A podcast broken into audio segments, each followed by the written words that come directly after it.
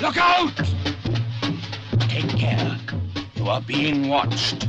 You should have seen the blood. The whole, the whole place was, well, it's, it's too horrible to describe.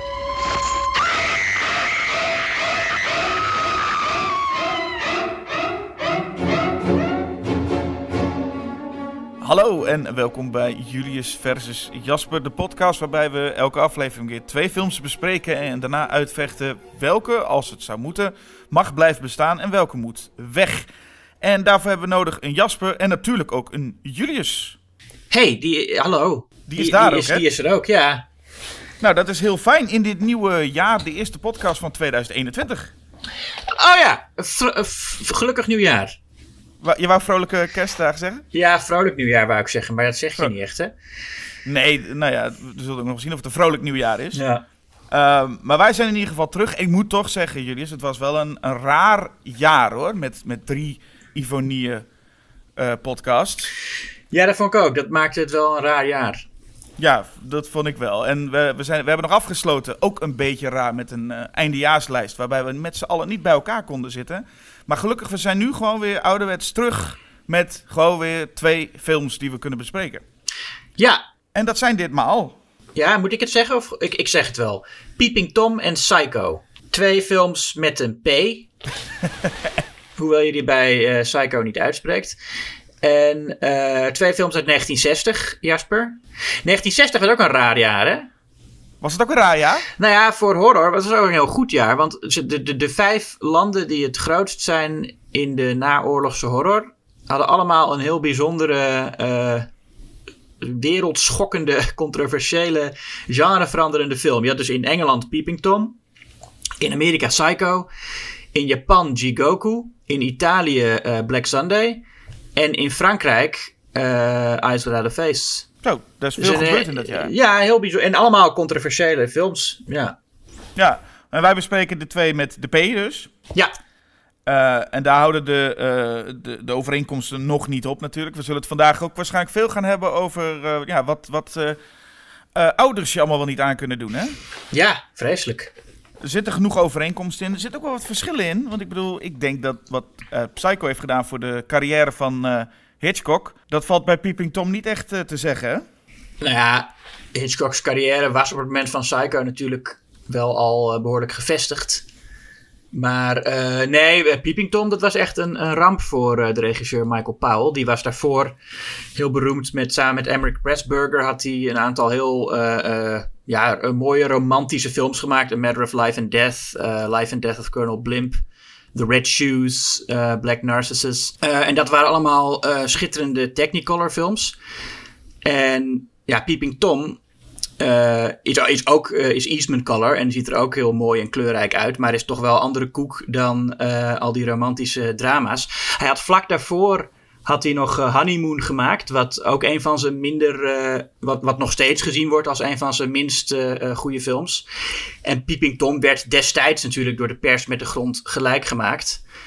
En heeft hem eigenlijk in, in, in Engeland in elk geval zijn carrière gekost.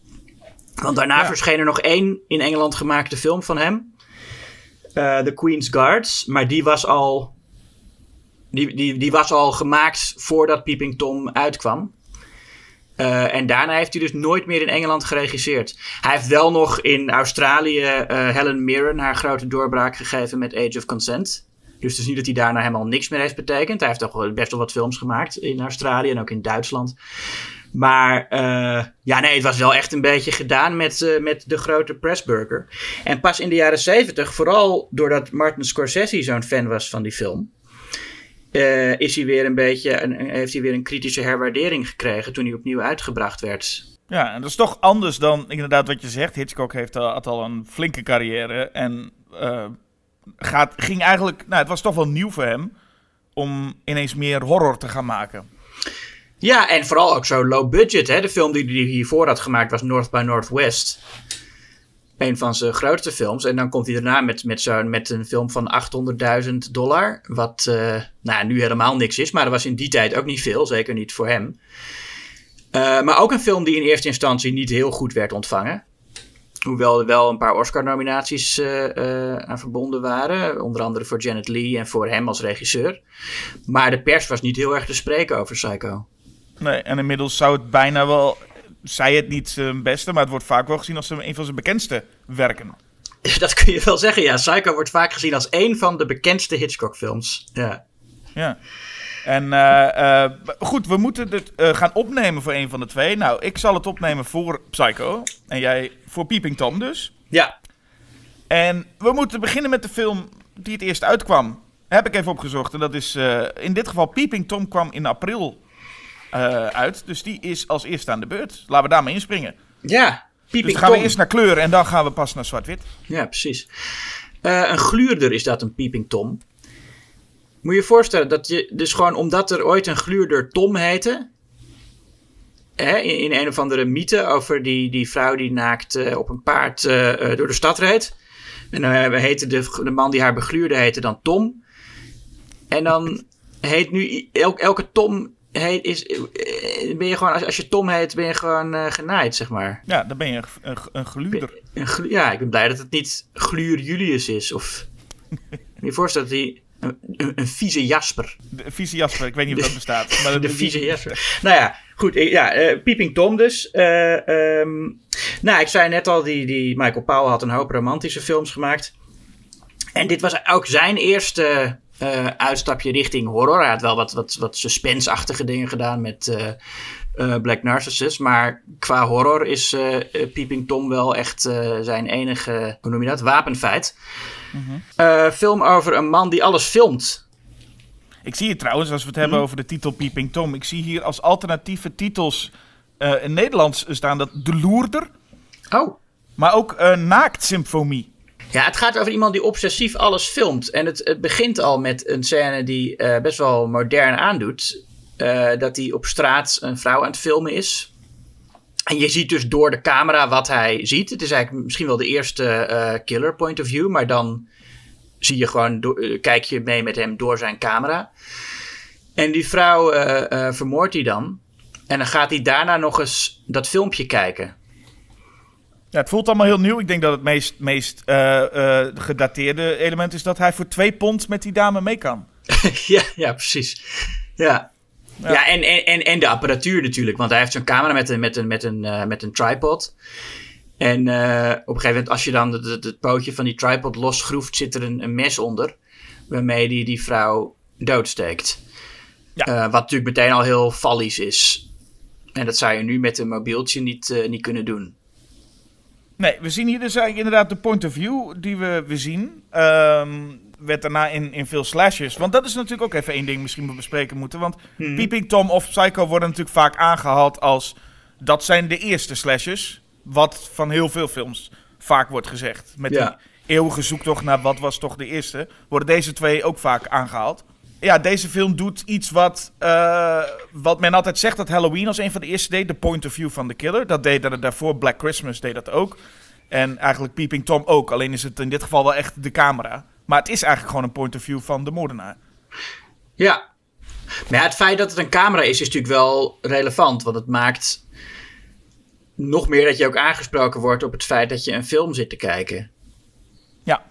Ja. en dat is, ja, wat betreft voyeurisme, dat is natuurlijk wel een heel interessante, uh, heel interessant thema. Ook een thema waar, waar Hitchcock gek op was. Want het is uh, een, een, een zonde waar je echt heel direct uh, mee kan leven met degene die het doet. Je kan, je kan je identificeren met een moordenaar in een film. En als hij iemand vermoordt, kan je eh, misschien een beetje daarin verplaatsen. Zoals in veel latere slashers wel uh, een beetje de bedoeling was. Maar dan heb je niet zelf dat mes in je handen. Je bent niet zelf echt iemand aan het neersteken. Maar als je meekijkt met iemand die het puur om, om, het, om het kijken gaat. Dan zie je gewoon hetzelfde als die persoon. Je bent heel direct gewoon dezelfde zondige ervaring aan het hebben. Ja, en zo, zo opent die film inderdaad ook dan. Hè, dat het, uh, uh, hij filmt hoe hij uh, deze prostituee vermoordt. Kijkt dan naar de beelden terug. Maar hij filmt eigenlijk niet alleen dat. Hij filmt ook hoe haar lichaam uiteindelijk wordt weggevoerd door politie. Ja. En dan hebben we hem al wel ontmoet. Deze Mark Lewis, gespeeld door Karl-Heinz Beum. Als ik het goed uitspreek. Ik, ik denk het. En het is eh, ook wel bijzonder. Het is een man met een Duits accent, hoewel hij de hele, zijn hele leven in Engeland heeft gewoond. Ja, de, de, voorloper van Arnold Schwarzenegger eigenlijk. Ja, zijn hele leven heeft hij in Engeland gewoond. Hij heeft een Engelse vader, maar in de film, en dat wordt ook verder niet uitgelegd, heeft hij wel een, een, een Duits accent. En uh, ja, dan ontmoeten we hem. En er, er was ook geen, ja, eigenlijk geen mysterie over het feit van of hij wel of niet de moordenaar is. We zien hem gewoon en we weten, dit is de man die de prostituee heeft vermoord in het begin. Daar had je nog voor kunnen stellen dat de film daar bij een of andere manier nog misschien mysterieus mee doet. Van dat het nog een deels is van wie zou de moordenaar kunnen zijn. Dat doet, uh, dat doet uh, Paul hier absoluut niet. Gewoon meteen, dit is hem. Ja, nee, het is, het, is een, het is een portret van een, van een moordenaar. Dus dat is wel belangrijk dat je dat van het begin uh, weet. Het is, het is wat ons betreft geen mysterie. Wel voor de politie natuurlijk. Nou, het, is, die... het is nog een beetje zo in de, in de openingsscène met die prostituee. Omdat we daar dan zien we wel die camera die hij in zijn jas doet. Maar daar wordt wel echt gekozen om niet hem meteen te laten zien. Nee, dat, nee, dat, dat, klopt. Maar ja, dan, dan kennen we nog niemand in die film. En dan gaan we ontdekken wat hij eigenlijk doet in zijn dagelijks leven. Ja, hij werkt ook uh, op, op een filmset. Hij is focuspoeler. Ja, want hij komt eerst in een tijdschriftenwinkel. Ja, oh ja, oh, ja, ook dat. Dat doet hij ook, ja. En toen dacht ik even, hij werkt, hij werkt hij nou in de tijdschriftenwinkel? Of is hij nou... Daarboven heeft hij volgens mij een soort studiootje met ook schaars geklede dames die hij dan fotografeert. Ja, ja, hij is ook fotograaf, inderdaad. Uh... Nou, ik moet wel zeggen, over die, die schaars geklede dames is wel zo dat we krijgen eerst in die tijdschriftwinkel... Ik, dacht, ik zat even met Psycho in mijn hoofd, want ineens komt daar een rol waarvan ik dacht... hé, hey, daar heb je de cameo van Hitchcock uh, al. Maar oh, er komt zo'n man binnen en die gaat dan ook zo'n... Uh, ja, eerst zeggen dat hij een krant wil kopen, maar dan gaat hij dan ook een boek kopen met blote, dame, blote damesfotootjes. je zegt dat altijd zo, zo dames... Ja, dat zijn het toch? Of, ja, nee, natuurlijk, het zijn dames. Ja, nee, maar het, het, ik weet niet. Het, ik vind het, ja. Nou ja, dat, dat doet hij ook. Dus daar, daar zal ook wel een soort thema in zitten al meteen. Anders dan gaan we, zitten we heel lang naar die man te kijken. Wat eigenlijk gewoon meer een klein komisch dingetje is. Man die kranten wil kopen. En vergeet dan nou ook die kranten. Dus blijkt dan wel, dat wou hij eigenlijk helemaal niet kopen. Ja. Dus even een soort van tussendoortje of zo lijkt het dan. Nee, nee, het gaat over meteen het, het, het zondige van kijken natuurlijk. En dat die man wil ook kijken. En dat is dan in dit geval, uh, uh, vindt hij dat, uh, schaamt hij zich daarvoor. Mm -hmm. um, dus dat thema zit er wel in. Dat we eigenlijk, iedereen kijkt wel eens op een zondige manier. Ja, en eigenlijk mag, mag ons hoofdpersoon dat, zonder dat hij hoeft te zondigen, want het is ook zijn werk dus. Hij fotografeert schaars geklede dames daar. Ja, maar goed, hij gaat natuurlijk wel nog een stukje verder als hij ook uh, uh, sekswerkers gaat vermoorden. En, uh, en, en dat lichaam wordt dan ook gevonden. En dan zeggen de, de agenten, um, die zien de, de blik op haar gezicht, vinden zij heel mysterieus, hè? Mm -hmm, Want ja. zij heeft een soort, soort heel angstige blik op haar gezicht. En, die, en dan zegt iemand nog van ja, het is gewoon de blik van iemand die weet dat ze vermoord gaat worden. Maar dan zegt die agent, nee, I'm familiar with that kind of terror, but this is something new to me. Dus zij heeft een soort blik van angst op haar gezicht die heel anders is dan bij de meeste moordslachtoffers. Ja, en dat is ook waar eigenlijk het mysterie van Peeping Tom in zit. Hè? Het is niet zozeer dus wie, wie is het, want dat weten we meteen. Maar het is wel, wat gebeurt er? Wat doet hij nou precies? Want dat blijft wel onduidelijk. En ook de vraag waarom doet hij het, blijft ook nog een tijdje onduidelijk. En dat is wel iets wat gaandeweg in Peeping Tom steeds meer prijs wordt gegeven. Um, ja, want je komt op een gegeven moment erachter dat hij door zijn vader vroeger heel veel gefilmd werd. Ja, en dat komen we achter door eerst eigenlijk de, de nou ja, thuis. Uh, hij komt thuis in zo'n groot huis en daar ontmoeten, uh, ontmoeten wij, maar ontmoet hij ook zijn uh, huisgenoot Helen Stevens. Mm -hmm. En daar begint het eigenlijk een beetje te, te, te ontrafelen. Wat ik eigenlijk geen idee heb waarom haar, waar haar fascinatie vandaan komt, maar zij wil ineens iets van hem. Zij is jarig, er is een feestje, hij komt thuis en zij lijkt ineens gewoon gefascineerd door deze man en wil gewoon iets van hem. Terwijl, nou ja, alles wijst erop van, nou blijf bij deze man vandaan. Of die, hij, hij is heel ongemakkelijk en je snapt het ook niet helemaal. Ik in ieder geval niet. Wat Helen nou ineens bezint om te zeggen, hey, ik wil gewoon... Ik ben niet zo omringd door saaie mensen. Ik wil met deze man. Nou ja, dat, ik, dat, dat is het. Het is nieuwsgierigheid. Hè? Kijk, zij, zij woont uh, onder hem. Hè, in, in, in een flat of een appartement. Met haar, met haar blinde moeder. En uh, het is haar verjaardag en hij bespioneert haar en, en dan ontdekt ze dat en dan ja, wil ze toch, is ze gewoon nieuwsgierig naar wie dat is. En gefascineerd eigenlijk door, door wat hij doet. En dan gaat hij er meteen uh, die filmpjes laten zien uit zijn jeugd. Ja, maar het is wel, uh, je moet het wel net kunnen verkopen dat zo'n Helen dat, dat, dat ook wil. En ze zegt wel iets over, ja, hij heeft iets zit iets in zijn karakter. Maar als je puur ziet hoe die situatie daar helemaal plaatsvindt daar in, in, die, in die kamer, denk je de hele tijd, nou, ik denk dat, dat, dat, dat menige vrouw zou denken, nou, eh, ik, ik kom hier voorlopig wel niet weer. Want het is een ongemakkelijke, ongemakkelijk moment bij een hele ongemakkelijke man. Ja. Ja, maar ja, nee, goed, tuurlijk. Maar ik kan het me toch wel voorstellen dat je in elk geval nieuwsgierig bent naar uh, wat voor iemand dat dan is. Ja, Nou ja, ik denk dat de meeste vrouwen natuurlijk absoluut niet uh, bevriend zouden raken met iemand die ze bespioneerd heeft. Maar uh, in, ik zie haar fascinatie wel in dit geval. Ja, nou, het is in eerste instantie nog gewoon ongevaarlijk, omdat ze denkt: ik breng hem even een taartje. En hij is gewoon wat ongemakkelijk, maar hij is wel redelijk vriendelijk nog. Mm -hmm. En dan gaan ze een, uh, een, een, een, inderdaad een film kijken. Of ja, mag, zet mij iets op. Er zit ondertussen beneden zit allemaal visite voor haar. Maar zij zegt: Nou, zet mij even een film op, Mark. Ja en, ja, en dan gaan ze dus kijken. Ja, en dat is, dan zie je allemaal filmpjes uit zijn jeugd. Toen zijn vader hem heel vaak filmde. Bij allerlei uh, uh, uh, activiteiten. En dan zie je ook dat hij soms ging die vader zelf het beïnvloeden. Dan gooit hij zo'n hagedis op zijn bed. Terwijl hij aan het slapen is. Ja, ik kan hierbij meteen al wel zeggen. Helen is de ergste persoon om een film samen mee te kijken. ja? Het is namelijk zo, er gebeurt iets. En bij alles wat er gebeurt... Oh, waar is dat? Wat gebeurt daar? Uh, nee, maar wat is dat dan? Uh, waarom is dat? Zeg Mark, wat is dat? Is dat een hagedis? En zo zit ze de hele film door te... Dat je ja, denkt, maar het is, niet, het is niet een film, hè? Het is niet dat hij haar laat zien... Dit is een film. Het zijn gewoon filmpjes uit zijn jeugd. Ja, maar ze doet niet eens moeite. Dus op een gegeven moment zien we dat...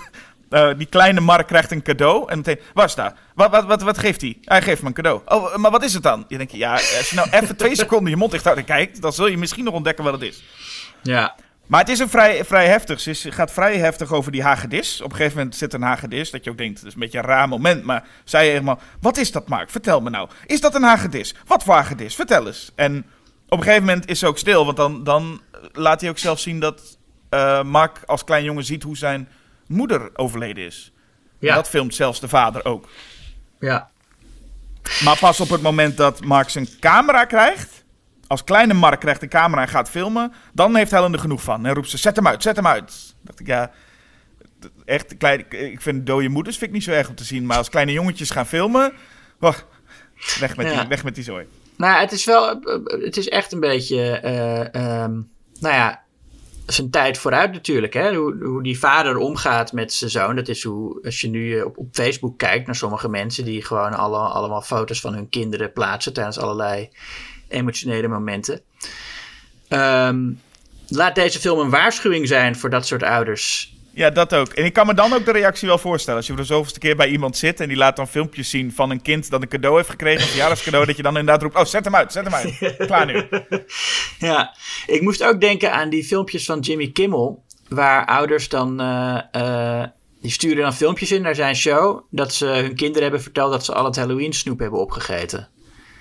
En dan filmen ze zo die kinderen hoe die reageren als je ze vertelt op 1 november van ik heb al je snoep opgegeten. En dan gaan die kinderen huilen of schreeuwen of boos worden.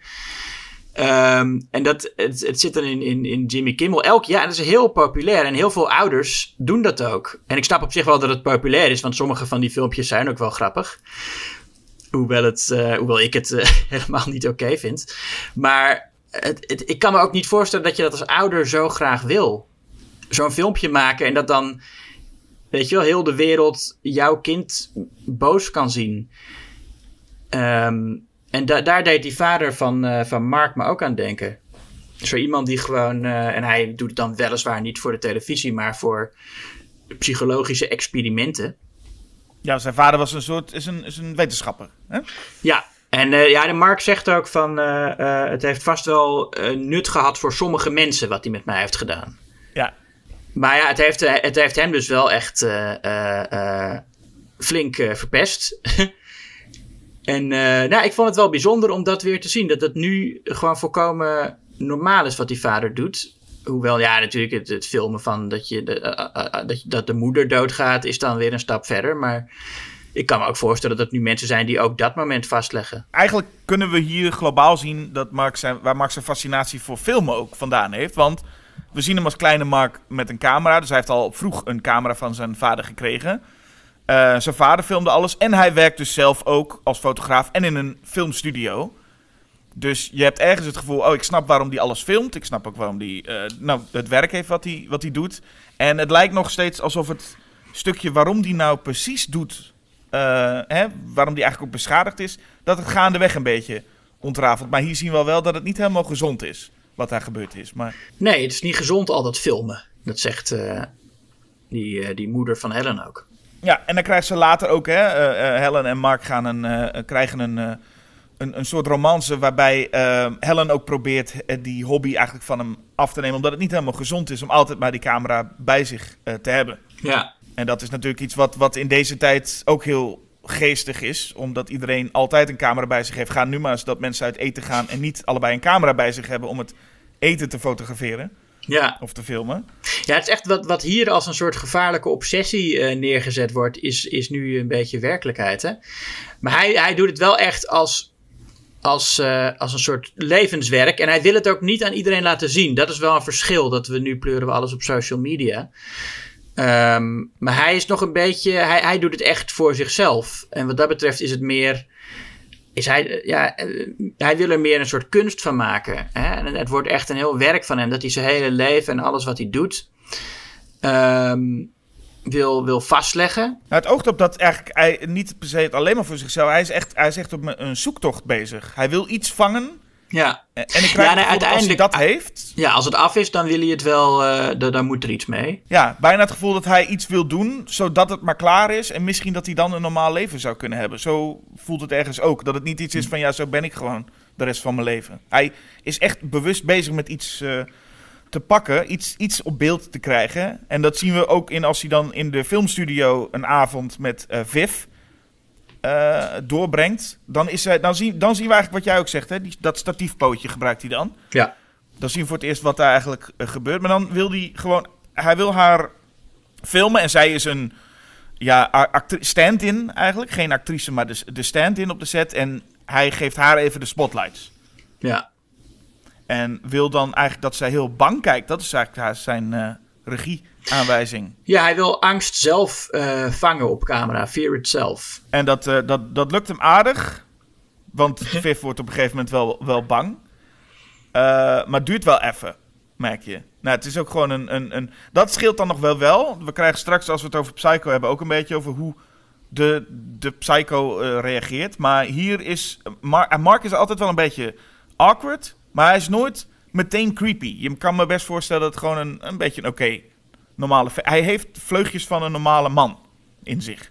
Ja, zeker. Hoewel het altijd wel ergens een beetje. Uh, ja, dat, en dat is deels omdat we het weten. Maar ook omdat hij. In zijn acteren zit ook wel wat. Iets, iets, iets geks, iets opvallends. Maar ik denk dat het ook komt omdat alle andere acteurs echt enorm theatraal zijn. En hij waarschijnlijk zelf ook wel. Maar vooral de overige acteurs die je hier ziet zijn soms echt ja, het, het, het, valt wel op hoe, hoe enorm theatraal ze allemaal te werk gaan. In deze ja, dat is, dat is dan weer een beetje dat ouderwetse Britse. Het is natuurlijk aan de ene kant een enorm vooruitstrevende film. Maar je hebt ook ja, vrij veel acteurs die nog gewoon die, die, die meer klassieke stijl van acteren uh, gebruiken. Ja, want ik, het zit hem in, in, in, op soms in de kleine dingen, in, in de kleine mimieken van, van Mark, is het, is het best wel sterk. Maar als hij bijvoorbeeld een, uh, ziet dat hij iets uh, gefilmd heeft wat niet gelukt is, dan gooit hij zichzelf tegen dat scherm en slaat hij met zijn vuisten op dat scherm. En dat voelt wel echt als, oh ja, dit is uh, ouderwets theatraal. Ja, nou ja, uh, en ook de humor is trouwens ook soms wat ouderwets. Er zit een scène met een actrice die moet dan de hele tijd flauw vallen in een scène van de regisseur. Mm -hmm. En dat, dat, dat lukt steeds niet goed. En dan op een gegeven moment, Mark heeft het lichaam van haar body double verstopt in zo'n kist. En dan spelen ze een andere scène en dan gaat die kist open en dan ziet die actrice dat lichaam liggen en dan valt ze dus echt flauw. En dan zegt die regisseur van, ah, de verkeerde scène. Oh ja, ja, zoiets, ja. ja. Het zit sowieso op, later komt dat nog een keer terug op die set met die regisseur. Het is nogal een mm -hmm. over de top regisseur. En dan, dan komt er ook nog eens een keer een psychiater bij. Die is niet minder subtiel. Um, waarbij ik inderdaad eigenlijk de hele feeling van de film ging, ging heel erg naar de, de sitcom Are You Being Served? Moest ik de hele tijd aan denken. Ja. Dat, die, die toon krijgt het dan op een gegeven moment. Waarbij je aan de ene kant gruwelheden krijgt. En aan de andere kant typetjes die uit een hele foute Britse sitcom gestapt zijn. Ja, nou, die regisseur is nog wel een leuk type en ook nog wel relevant, denk ik. Want dat gaat natuurlijk ook over um, die, die is ook, eh, eh, eh, die gebruikt die actrices ook als, als poppen of als vlees gewoon. Hè? Die, die, van, je moet gewoon doen wat ik zeg en je, en, en, en je hoeft niet tegen mij te praten over, wa- over waarom en wat je motivatie is. Je moet het gewoon doen, zegt hij ook op een gegeven moment tegen, tegen haar.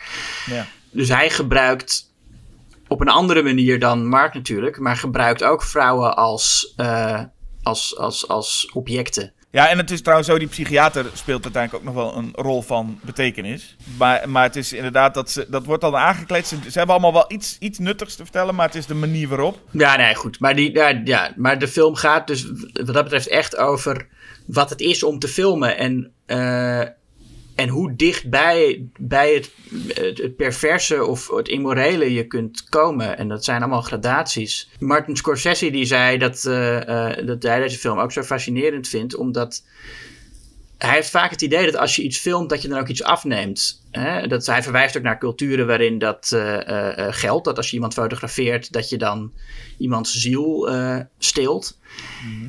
Eh, en Scorsese zei dat, dat, dat, dat hij ook wel dat gevoel heeft. Als je iets filmt, dat je echt eh, iets, iets fundamenteels neemt van iemand. Ja, en daar gaat het over. Wat, wat doe je door iemand te filmen en door iemand op zo'n manier van jou te maken eigenlijk? Ja, en ik vind die zoektocht van, dat is dus de zoektocht naar hem van een soort van ultieme angstexpressie. Vind ik ook wel fijn dat het dus niet alleen maar gaat om een man die moorden pleegt en dat alleen maar dat wil laten zien. Hij is ook, ook als die scène waarin Viv in die koffer gevonden wordt op die filmset, is um, eh, Mark doet alles eraan en dan klimt hij op een gegeven moment op, op, eh, eh, helemaal naar boven om maar ook dat onderzoek te kunnen filmen en als dat lichaam gevonden wordt. Ja, En hij wil alles op een of andere manier vastleggen. Deels omdat hij volgens mij gewoon alles wil vastleggen waar hij in zit. Maar ook om te kijken van wat voor reacties krijg ik daar nog uit. Ehm, Ja. En dat levert ook nog wel weer spannende momenten op als hij koste wat kost wil iets wil filmen. Dan valt het op een gegeven moment potloden volgens mij uit zijn jaszak. Eh, Ja, en dan weten mensen meteen dat hij er is. Ja, dat is ook zo'n moment wat we in Psycho ook vaak tegen zullen komen. Dat je ook eh, echt eh, er naartoe geleid wordt om te empathiseren met, met de moordenaar. Want hij ligt daar en die potloden vallen. En je denkt, oh nee. Weet je wel, nou Ja. gaat hij ontdekt worden. Terwijl eigenlijk zou je moeten denken, oh gelukkig, ze gaan hem ontdekken. Maar zo, zo werkt die scène helemaal niet. Nee, nee, precies. En wat, wat ik wel heel grappig vond, was het moment daarna. Als hij, dan loopt hij met, gaat hij met een trappetje naar beneden. En dan komt er zo'n agent met een zaklamp. En die schijnt daar precies om hem heen. Ja. Met de zaklamp.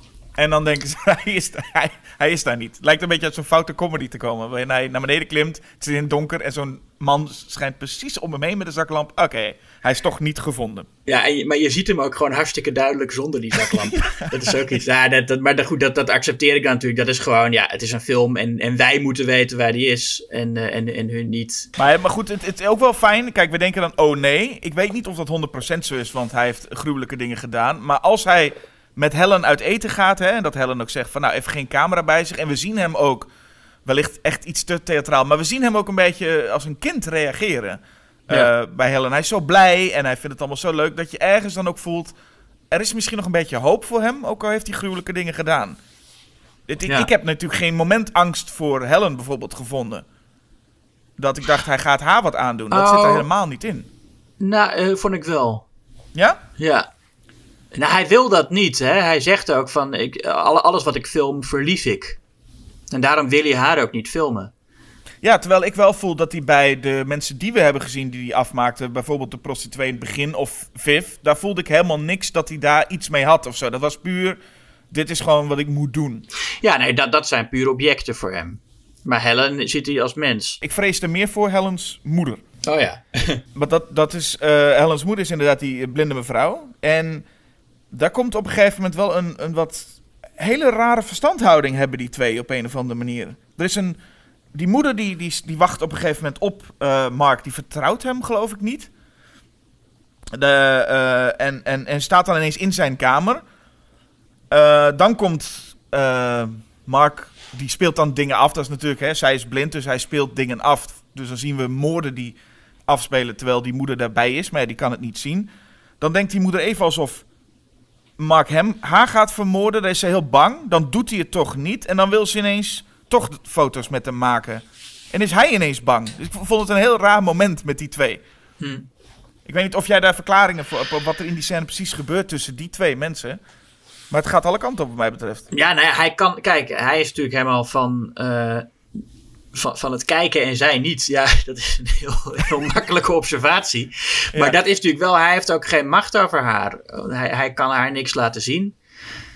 En zij eh, zal nooit helemaal begrijpen wat zijn eh, wereld is. Want zij kan niet zien. Dus, het is, dus er, er kan eigenlijk nooit echt een connectie tussen hun zijn. Het gaat verder niet echt ergens naartoe met die, met die moeder. Eh, het gaat vooral over. en dat is dus het stukje waar de psychiater bij, bij komt. Dat we zien dat Mark eigenlijk ook wil genezen. Hij heeft ergens last van, hij wil dat genezen. En komt dan bij die psychiater. En die psychiater zegt eigenlijk van ja, dat, is, dat, dat kan wel. Dat is een paar jaar en dan ben je klaar. Ja. En dat is echt zo'n moment waarop hij denkt: Oh, ik hoopte eigenlijk, zoals veel mensen die iets, iets hebben, eh, dat ze hopen van: Ik hoop dat dat binnen een paar, eh, één pilletje en het is klaar. En dit is toch wel echt een, een, een ja, voor Mark echt wel een, een ding om te horen dat het jaren zal duren om dat voyeurisme te eh, genezen. ja, je moet er flink aan werken. En dan is het wel. eh, nou ja, dan, en dan rolt de film de laatste, het laatste fase in. Waarbij we inderdaad eigenlijk ook wel kunnen voorspellen dat dat zou gaan gebeuren. Is dat Helen iets te zien krijgt. Wat Mark heeft gedaan. En dan eh, wordt op een gegeven moment ook onthuld dat hij een, een, een spiegel op zijn camera had, had gezet. Zodat de slachtoffers hun eigen gezicht zien op het moment dat ze doodgaan. En dat is daarom ook wa- waarom ze dan die eh, speciale blik hebben waar die politieagent maar niet over uitkomt. Dat ze hun eigen angst zien en daardoor nog weer, nog, nog weer een stap erbovenop eh, angstig kijken. Ja. Hoewel ik wel het een beetje tikkeltje geforceerd vind. En misschien geloof ik gewoon het hele gedoe van Helen gewoon niet. Maar het is Helen die dat eigenlijk loskrijgt. Aangezien Mark ook eh, zegt: Ik heb deze mensen vermoord. Dat is vrij schokkend, lijkt mij, voor Helen ook om te horen. Dat deze man eh, dus echt mensen vermoord heeft met bewijsmateriaal en al. Maar dan, dan gaat ze roepen tegen hem: van, Wat heb je met ze gedaan? Laat me zien wat je met ze gedaan hebt. En dat pik ik niet helemaal van Helen. Dat die nou juist. Hè, me- mevrouw die zo'n hagedis al zo vervelend eh, vond. Nee, maar zij is ook heel gefascineerd. Zij is, zij is ook gefascineerd door het kijken. Zo gefascineerd dat als je iemand zegt: Ik heb eh, mensen vermoord, dat je dan nog losgaat van: Nee, geen, er hoeft geen politie bij. Het is, het is, ik wil gewoon zien wat je hebt gedaan. Ik, ik pikte Helen waarschijnlijk gewoon niet zo daarin. Mark daarentegen is wel, eh, want die, die, ja, dit is vrij tragisch wat er dan daarna met hem gebeurt natuurlijk. Nou ja, tragisch. Hij, ik bedoel, het is wel. Hij heeft gewoon het, zijn project afgerond. Want eerst weer probeert hij. Hij, hij zet dat, dat mes van die tripod op, eh, op Helen's keel, maar hij kan haar niet eh, vermoorden. Zoals, eh, nou, ja, zoals hij eigenlijk al eerder had duidelijk gemaakt dat hij dat niet wil. Ja. En dan zet hij het mes op zijn eigen keel en filmt hij zichzelf terwijl hij zichzelf doodsteekt. En dat was eigenlijk altijd het plan. Dat is gewoon, nou is hij klaar. Dit is Nou ja, altijd het plan. Je, je, hebt ergens nog het gevoel, ook omdat hij bij de psychiater ging vragen. Je hebt ook ergens het gevoel, hij wilde gewoon een normaal leven. Hij wilde eigenlijk gewoon het antwoord. En dan wilde hij met Helen een gewoon leven hebben. En dat, eh, ja, heel stom dat je dat hem eigenlijk ergens ook nog wel gunt. Ehm, Ja, nee, op het moment dat hij Helen ontmoet, denkt hij misschien er is meer in het leven. Dus ik moet van deze obsessie afkomen. jij denkt dat hij voor Helen ontmoet te hebben nog niet per se van die obsessie af wil? Dat hij gewoon maar gewoon zo wil blijven, dat hij daar niet op zoek naar was? Ik, ik, ja, ik vermoed het wel. Dat hij dan echt alleen maar denkt, vrouwen... Want hij pakt alleen maar vrouwen. Dus dan echt vrouwen specifiek zijn eh, objecten. En als hij er een eentje ontmoet die hij echt als mens ziet... dan denkt hij, wacht, misschien, eh, misschien moet het leven toch... eh, misschien kan het anders. Misschien moet Ja. ik hulp zoeken. Maar ik denk wel dat hij ook vanaf het begin wel van plan was... dat de documentaire zou eindigen met zijn eigen dood. Nou ja, goed, en het, het, het tragische stukje zit er natuurlijk in dat we eigenlijk wel goed duidelijk doorhebben dat dit gewoon de manier is hoe, eh, nou ja, vader met hem is omgegaan. Ja. Dat, hij, eh, dat dit daarom zo is. Hè? Ja, ja dat, dat, kan, dat kan opvoeding doen met een kind. Dat geldt net zoveel als voor Psycho. Maar goed, voor Psycho is het alleen geen, eh, is het geen vader, maar een moeder. Ja, zeg dat wel zeg. Ja, die moeder, en dat is toch in, eh, in, in, in de latere slashers, die ook allemaal ouder gerelateerde trauma's eh, hebben. ehm, is toch vaker de moeder eh, de, de hoofdverantwoordelijke voor het trauma. Maar dat komt natuurlijk ook vaak, denk ik, omdat de moordenaars vaak de mannen zijn. Ja, En man- mannen hebben vaak een, een band met hun moeder en, en dochters meer met hun vader. Is dat zo? Over het algemeen, dat, dat is wel een beetje het beeld volgens mij. Maar in ieder geval, je hebt, je hebt vaak, hè, de, de, vele psychopaten zijn vaak ook de moederskindjes. En dat eh, eh, is hier niet anders. En de, de- ik weet niet, in hoeverre ben je bekend met het, het boek van Robert Bloch? Eh, ik heb het niet gelezen. Ik eigenlijk ook niet. Ik weet wel dat eh, Norman Bates daarin er heel anders uitziet. Ja, daar is het een dikke, een dik mannetje, geloof ik. ook. Ja, een vieze, dikke vent met lang vettig haar, die ook veel zuipt. En ook eh, alleen maar als hij veel gedronken heeft, wordt hij die andere persoonlijkheid. Ja. Wat eh, duidelijk is, is dat in ieder geval eh, het verhaal deels geïnspireerd is door Ed Gein, de seriemoordenaar. En Ja, ik geloof dat Robert Bloch daar niet van wist toen hij het schreef. dat hij er niet van wist. Nee. Oh, ik dacht dat hij juist zich liet inspireren. Maar is het dan Hitchcock zelf, die, of de scenarist van Psycho, die dat heeft? Ik denk het, ja, ik weet niet. Het, het, het- het- ja, het zal gewoon zijn van, eh, dat was toen aan de hand. Nee, want het is wel bijzonder dat het eh, eh, in, in bijvoorbeeld, nou, ook The Silence of the Lambs en ook de Texas Chainsaw Massacre zijn ook deels geïnspireerd door Ed Gein. Ja. Ehm, alleen die focussen dus heel erg op dat het, het, het, het lijken opgraven en pakken maken van, van mensenvlees. Terwijl deze ehm eh, Tel Psycho juist op, alleen maar op de band ingaat die Ed Gein met zijn moeder had. De ongezonde band. En dat was toen de moeder overleed, eh Ed Gein het ook allemaal niet meer zag. En zijn moeder ook ging opgraven en eigenlijk eh, nou ja, met Ja. haar nog gesprekken had. Dat, dat, dat principe wordt hier heel erg sterk voor gebruikt. Ehm, ja, met, een, met, een, eh, met, nou ja, met alle gevolgen van dien.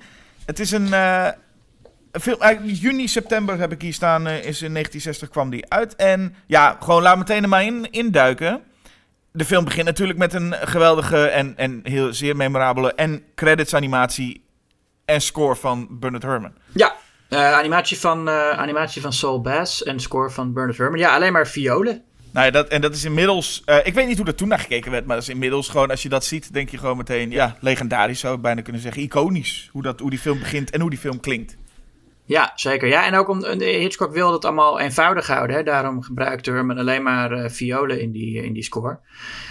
Ehm, maar dat was dus echt, zoals ik eerder zei, het is echt heel, heel low budget voor Hitchcocks doen in, in, in, die tijd. Hij was ook al eh, eh, Alfred Hitchcock Presents aan het doen op tv. En het, het heeft ook een beetje de stijl van een, eh, een, een, een tv-aflevering. Daar werd het ook veel mee vergeleken. Ehm, en niet alleen omdat het zwart-wit is, zoals eh, eh, al zijn televisieafleveringen. Maar ook, eh, ehm, ja, toch een beetje, gewoon de, de, de, acteerstijl. Maar ook gewoon de, de, de, de goedkoopheid ervan eigenlijk. Een van de dingen voor, eigenlijk voor de film aan. Een van de dingen die ehm, mij is bijgebleven, die ook wel vrij interessant is, is de trailer van Psycho. Oh ja. Waar, waarin Alfred Hitchcock zelf. Ik weet nog dat ik die trailer ooit zag voordat ik überhaupt ooit wist wie Alfred Hitchcock ook was. Dus dat ik het heel bijzonder vond dat er gewoon zo'n man stond die allemaal dingen ging uitleggen. Niet wetende dat dat dan eh, de maker zelf was.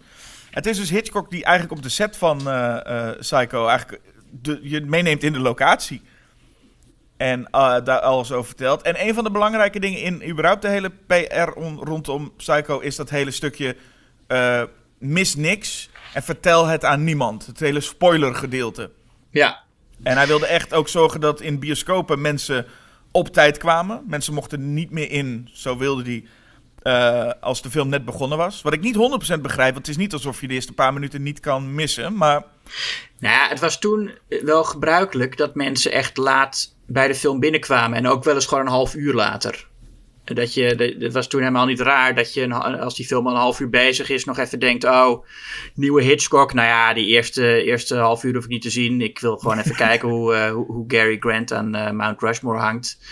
Ja, want eh, in, die tijd, je, je weet ook wel hoe die films gaan. Weet je wel? Als je gewoon eens. Een, nu is er veel meer hopen mensen nog ergens verrast te worden. Maar in die tijd dachten mensen gewoon... eh, ja, ik, ik weet wel hoe die films gaan. Het eerste, eerste act is een beetje gewoon plot opzetten. Nou ja, dat kan ik best missen. Ja, nou, dan is dat eigenlijk gewoon wat. Dan, dan snap je Hitchcock eigenlijk ook heel goed. Dat je denkt, ja, op die- op zo'n manier moet je geen film gaan kijken, natuurlijk, mensen. Nee, Ja. zeker Psycho niet. Want het is juist die schok van het begin. Dat je eerst denkt, eh, zij wordt eh, de hoofdpersoon en dat ze dan doodgaat. Ja, dat is dus een beetje de vraag. Want het, het, het lijkt te gaan om de grote, de grote verrassing van, van Psycho. Eh, daar wordt dan naar gerefereerd dat er een grote verrassing in zit. Alleen er zitten eigenlijk twee in dan. Want natuurlijk is de grote verrassing van Psycho is dat eh, eh, mevrouw Bates, moeder Bates, die de moordenaar zou moeten zijn, helemaal niet bestaat. Of niet meer bestaat, want die is dood. Maar het is eigenlijk een van de grote verrassingen is dat Janet Lee de hoofdrol speelt, maar eigenlijk helemaal niet de hoofdrol speelt. Ik lees trouwens nu, ik heb het even opgezocht, dat eh, eh, Robert Bloch wel tijdens het schrijven van eh Ed Gein hoorde. Dus toen hij begon had hij het nog niet gehoord, maar toen hij het al bijna af had, eh, eh, ehm, kwam dat nieuws naar buiten. En toen heeft hij nog even een verwijzing er, ernaar ingestopt. Nou ja, Ja, precies. dus, Ja. dus ja, ja. Bij, nou, deze inderdaad. Nou, en wat, wat is, maar dus Janet Lee, en dat is iets wat we eh, later ook veel, wat veel gaan proberen. Maar wat me vooral ook opvalt, eh, ik weet niet hoe ver dat toen bekend was, maar Janet Lee krijgt dus ook niet de hoofdrolcredits. Dat zou nu vaak gebeuren, denk ik. Dat ze ook de hoofdrol credits krijgt. En dat het dan extra verrassend is. Maar ze krijgt hier wel gewoon de and in de credits. Ja, nou, ik weet niet hoe dat. Dat is natuurlijk ook zo geregeld met met de eh, representatie van die, van die mensen. Maar de end credit.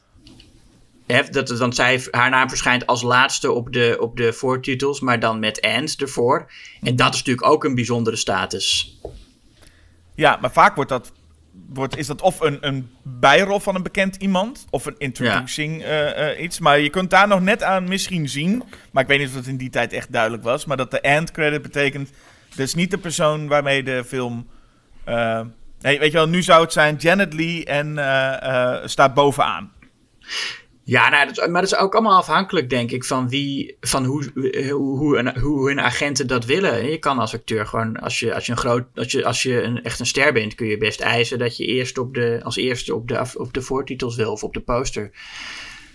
Ja, dat maar is- goed, dat ik is- denk ook, ja, en ik denk ook niet dat mensen in die tijd in de bioscoop zaten en, en, en dachten van, oh, ik dacht dat het een film met eh, Janet Lee zou worden, maar eh hey, er staat and Janet Lee, dus dan zal ze wel niet zo lang in die film zitten. Nee, zover zal het niet gaan. Het is meer dat het, het zeg maar, als je praat over waar, waar, waar Hitchcock allemaal naartoe ging voor, om zijn geheim Ja, te bewaren. Dan denk je wel van dat is een opvallend iets. Eh, maar het is iets wat Ja. dus veel gebeurt. Hè? In, ehm, ik doe, moet denken aan Wes Craven, die het sowieso ook een paar keer deed. Het is je een, een groot iemand of iemand naar voren zetten. Dit is de hoofdpersoon. En als die dan vermoordt, dan denkt iedereen: oh, daar, eh, nou kan alles gebeuren. Ja, En en hij deed het- Barrymore in, in Scream. Ja, dat is een hele bekende natuurlijk. Drew Barrymore was de grootste ster op dat moment en kreeg, eh, ging in de openingsscène dood. En ik denk dat hij het in Nightmare on Elm Street ook al wel deels deed. Door niet met een bekend persoon, maar door Tina naar voren te schuiven als hè, de eerste droom, de eerste nachtmerrie. En we Ja. volgen de hele tijd Tina tot ze doodgaat. En dan komt eigenlijk de hoofdpersoon pas eh, voorbij. Ja, Dus dat is een, een, een veelgebruikt trucje wat toen natuurlijk echt een soort... En zeker als het een grote ster is, dan denk je wel, wat gebeurt me nu? Dat Janet Lee hier even wordt, eh, wordt afgemaakt. Ja, en ook omdat we dat, dat het begin van het plot helemaal haar eh, eh, volgen. Maar nog even, nog even over hoe Hitchcock dat, die marketing aanpakte. Want hij maakte echt een evenement van Psycho. Hè? Hij, en dat, dat was ook heel hoe, hoe hij die film in de markt wilde zetten. Hij heeft zelf de hele controle over de marketing eh, genomen. Of gekregen. Of nou dat was ook wel een deal dat was eigenlijk goedkoper voor de studio. Dus daarom was het eh, eh, voor de studio voordeliger dat hij dat regelde. Maar het is ook voor de film heel voordelig. Dat hij er dus echt een evenement van maakte. Dat het was allemaal geheim. En, en je moest op tijd komen. En eh, in de bioscoop werd ik de tijd omgeroepen. Ehm, ja, dus het was echt een, een, een, een, een, van de eerste op die manier event movies. De film begint met onze hoofdpersoon Marion Crane. En met, eh, in, in een hotelkamer met eh, Sam Loomis. Dan weten we ook meteen waar Donald Pleasant zijn naam vandaan kreeg in eh, Halloween. Ja, En ehm, schokkende scène in die Een- tijd. een schokkende scène. Wat ik vooral vooraf eh, afvraag waarom Hitchcock wil, ons wil laten weten waar we zijn, welke dag het is en welk tijdstip het is. Daar is hij heel specifiek in. Dat laten we in beeld even zien. Het is in Hm. Phoenix, het is op 11 december of zo. En dan laat hij ook zien, het is nu 14 uur 43 of zo. Ja, En dan, dan denk je, gaat dit, gaat dit nog belangrijk zijn? Maar dat, ik weet niet, dat, zo begint hij gewoon. Daar komt er nou ook nergens terug hoe laat het daarna is. Maar nou dan weet je dat het, dat het eh, eh, eh, een werkdag is. Dat ze op een werkdag in een hotelkamer heeft liggen neuken. Ja, dat is waar. Dat is, dat is dan eh, volgens, ja. En, en misschien ook om het, wat, om het een beetje een soort gevoel van realisme te geven. Alsof Ja. het, dat zeg je vaak als, als, iets, als iets echt gebeurd is. Weet je, in films die gebaseerd zijn op een waar gebeurd verhaal wordt heel vaak de datum erbij genoemd en zo. Dus misschien ook een beetje die indruk, alsof het echt gebeurd is. Ja. En, Nou ja, eh, maar ja, zij heeft dus eh, eh, seks gehad met haar vriend in een hotelkamer. En ze wordt in de, in, je ziet er meteen in haar BH, wat in die tijd nog allemaal behoorlijk eh, eh, pikant was. Mhm. Sowieso het feit dat een ongetrouwd stel, dat er gesuggereerd wordt dat ze net seks gehad hebben. Dat was volgens de code absoluut niet toegestaan, de, de, de Hays Code. Ehm, dus dat waren allemaal eh, vrijheden die Hitchcock opeens eh, had en nam. Het is eigenlijk een mooie scène hoe die twee worden neergezet. Ehm, want eigenlijk begint de film, je zou kunnen denken, heeft dit nou ergens mee te maken? Maar dat heeft zeker. Dit is echt al opzetten dat deze twee eigenlijk bij elkaar willen zijn. Ja, Maar dat geld eigenlijk een probleem is. Dat wordt eigenlijk daarin verteld. ja, En want eh, Sam die zal, de- zegt dan ook... Ik, eh, ik moet me straks dan misschien wel schil gaan betalen aan eh, alimentatie. En dan hebben we niks, geen geld. En dan kunnen we niet bij elkaar zijn. En, en dan zegt ze, ja, maar ik wil wel bij jou zijn. En dan, dan zegt hij, ja, wat wil jij dan doen? Eh, al- alle enveloppen, eh, alle postzegels likken. En dan zegt zij, yes, I'll lick the stamps. En dan denk ik, dat is eigenlijk wel mooi, hè? Als iemand dat tegen je zou zeggen. ja. Toch? Dus als iemand, dat zo, als iemand tegen je zegt, I'll lick the stamps... dan ben je toch echt wel, wil je echt gewoon graag bij diegene zijn. ja. En eh, dan zien we ook al dat het een werkdag is, want ze gaat meteen door naar haar, eh, naar haar werk. Ja, eh, en daar krijgt ze meteen een kans om, om haar droom met Sam in vervulling te doen gaan. Ja, want er komt daar een meneer Tom Cassidy, komt binnen. En dat is wel echt trouwens hoor. Ik bedoel, dat is een man en die komt zitten. En die zegt eigenlijk op een paar verschillende manieren zegt hij tegen Marion... Wist je dat ik rijk was? Ik ben trouwens rijk. Ik doe alles met geld. Ik, ben, ik, heb, Ja. ik heb geld. Weet je, ik heb geld hoor trouwens. Ik heb heel veel geld. Ja, die, die moet ook zo overdreven neergezet worden, zodat wij nog meer aan Marion's kant staan als zij besluit dat geld, dat eh, pak ik. Ja, was in Peeping Tom een... eh, een eh, kon je met een prostituee mee voor 2 pond. Kun je hier met 40.000 dollar... Nou, maken dat je wegkomt. Een heel leven een, een opbouwen. nieuw leven beginnen, ja. Ja, dat is ook iets wat, eh, wat, eh, wat wel verouderd is. Als je nu denkt aan 40.000. Ja, denk je nou, eh, volgens mij als je nu een stuk gaat rijden, ben je, je de helft al kwijt door benzine. En dat, dit is trouwens een van de mooiste dingen. En dat is wat, wat maakt Hitchcock echt Hitchcock. Ehm, Marion Crane die besluit dus van, ik ga dit geld naar de bank brengen. Ik ga daarna wel naar huis, want ik heb hoofdpijn. En dan zeggen ze, ja, is goed. En we hebben ook helemaal geen, niet het gevoel dat Marion Crane daar het geld zag en meteen... Weet je wel, dat er eh, muziek start en zij echt heel sinister naar dat, naar dat geld kijkt en zegt, hoor, ik heb een plan. Nee, het gaat allemaal heel erg natuurlijk. ja, En dan zien we haar eh, thuis. Begint het shot gewoon met dat we haar... eh, dat, ze heeft gedoucht, denk je. Oké, ze heeft gewoon gedoucht. Ze heeft haar werk gedaan. Ze is nu onder de douche geweest. Ze heeft dan wel een zwarte BH aan. In plaats van een witte aan de eerste scène. Dat schijnt een ding te zijn dat Hitchcock zei... Ik ga even nu een zwarte BH, want er gaat iets gebeuren. Ze, heeft ze neemt die, BH, gaat iets gebeuren. ja, ze, ze neemt, maar ik denk niet dat die mensen dat nou echt zien. Maar wat hij dus heel mooi doet, is we zien eh Marion Crane ehm, staan in haar, in haar kamer. Dan gaat de kamer naar beneden. Dan zien we de envelop met geld nog op haar bed liggen. Dan denk ik, hé, hey, dat zou ze toch eerst doen? Of gaat ze nou eerst naar huis en dan pas het geld wegbrengen? En dan gaat de kamer iets opzij en staat daar die koffer. Ja, En gewoon in die simpele vertelling, waarbij er verder geen tekst zit, is het, ja, dat is gewoon echt wel echt met beeld vertellen. Gewoon Marion Crane zien, geld zien, daarna koffer zien. En we weten meteen wat er gaat gebeuren eigenlijk. ja dat was Hitchcock's eh, uitspraak. eh, eh, bij een goede film kun je het ook het verhaal volgen zonder geluid. En dat bewijst hij hier inderdaad.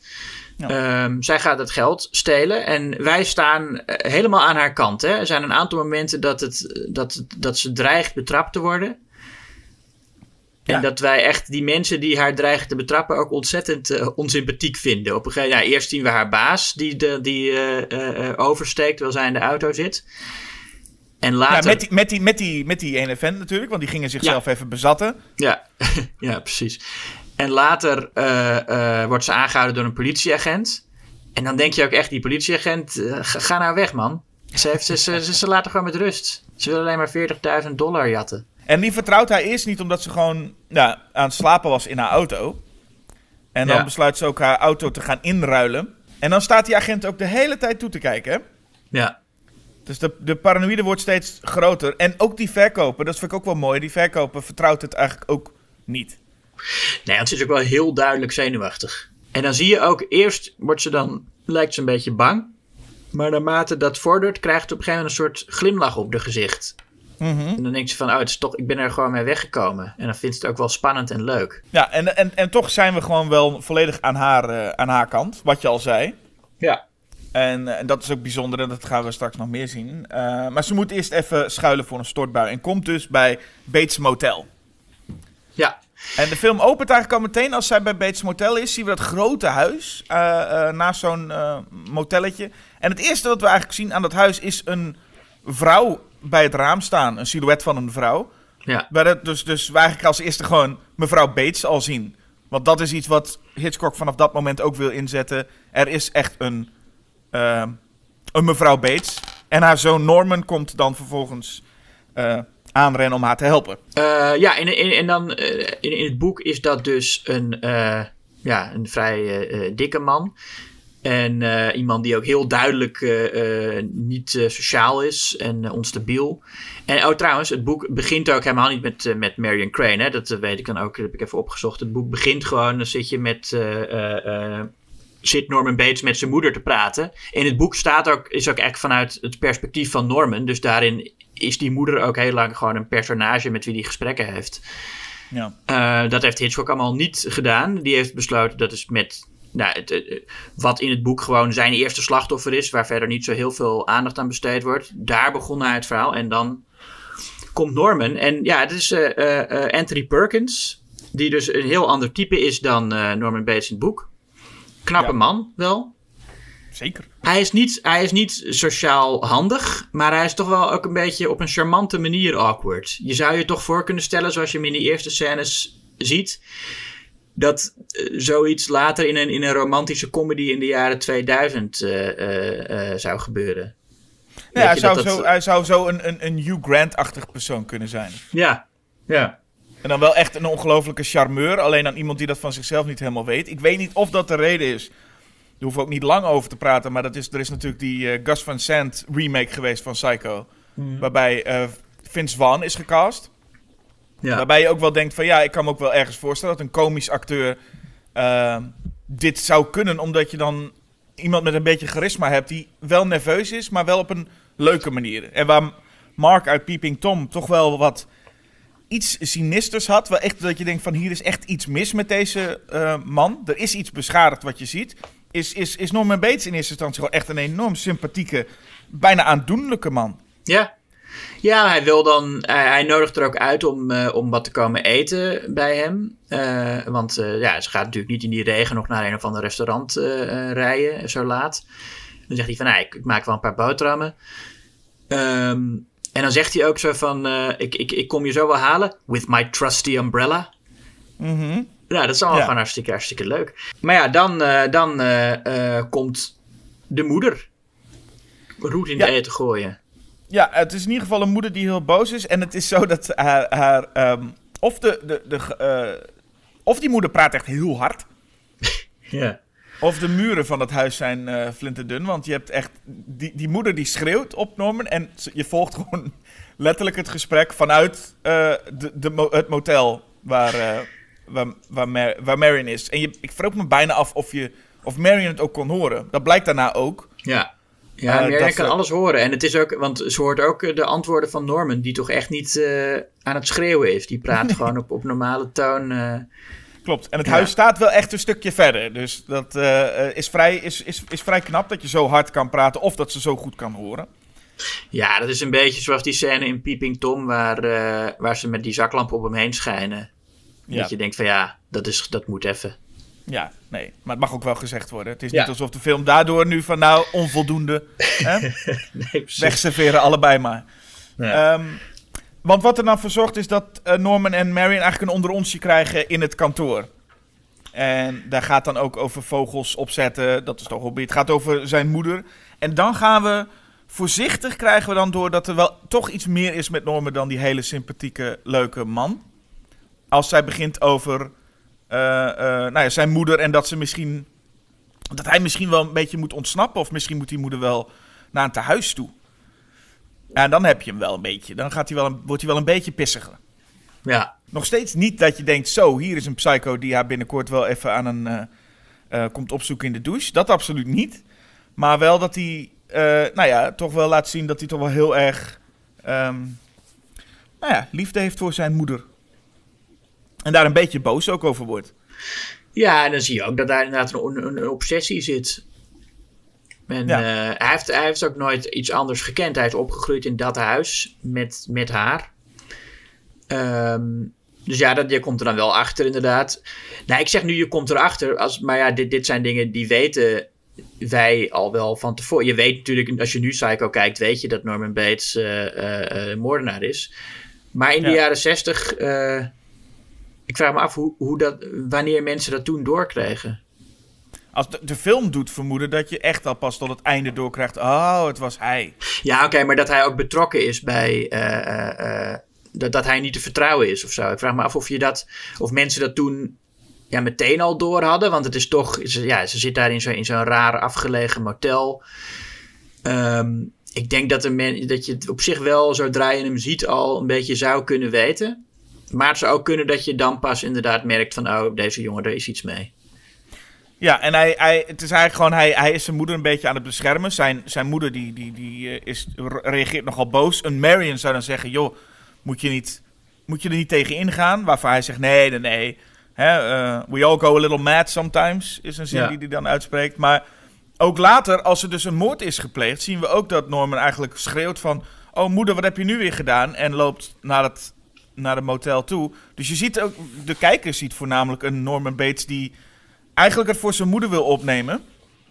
Ja, eh, en, en, en sporen wil wissen voor zijn gestoorde moeder. Ook hoe, hoe ver die moeder ook gaat, hij wil het nou ja, toch voor haar opnemen.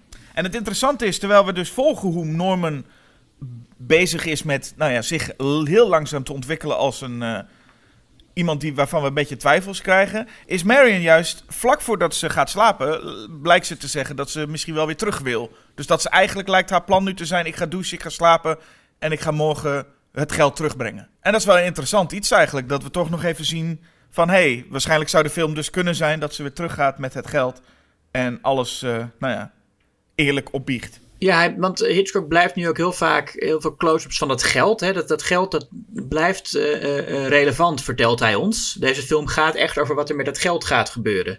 Dat is wat hij ons visueel vertelt. Ja. Wat dan natuurlijk helemaal niet zo blijkt te zijn. Nee, helemaal niet inderdaad. Want ja, ze stapt onder de douche en daar, nou ja, daar, daar, daar komt de beroemde scène. Ja.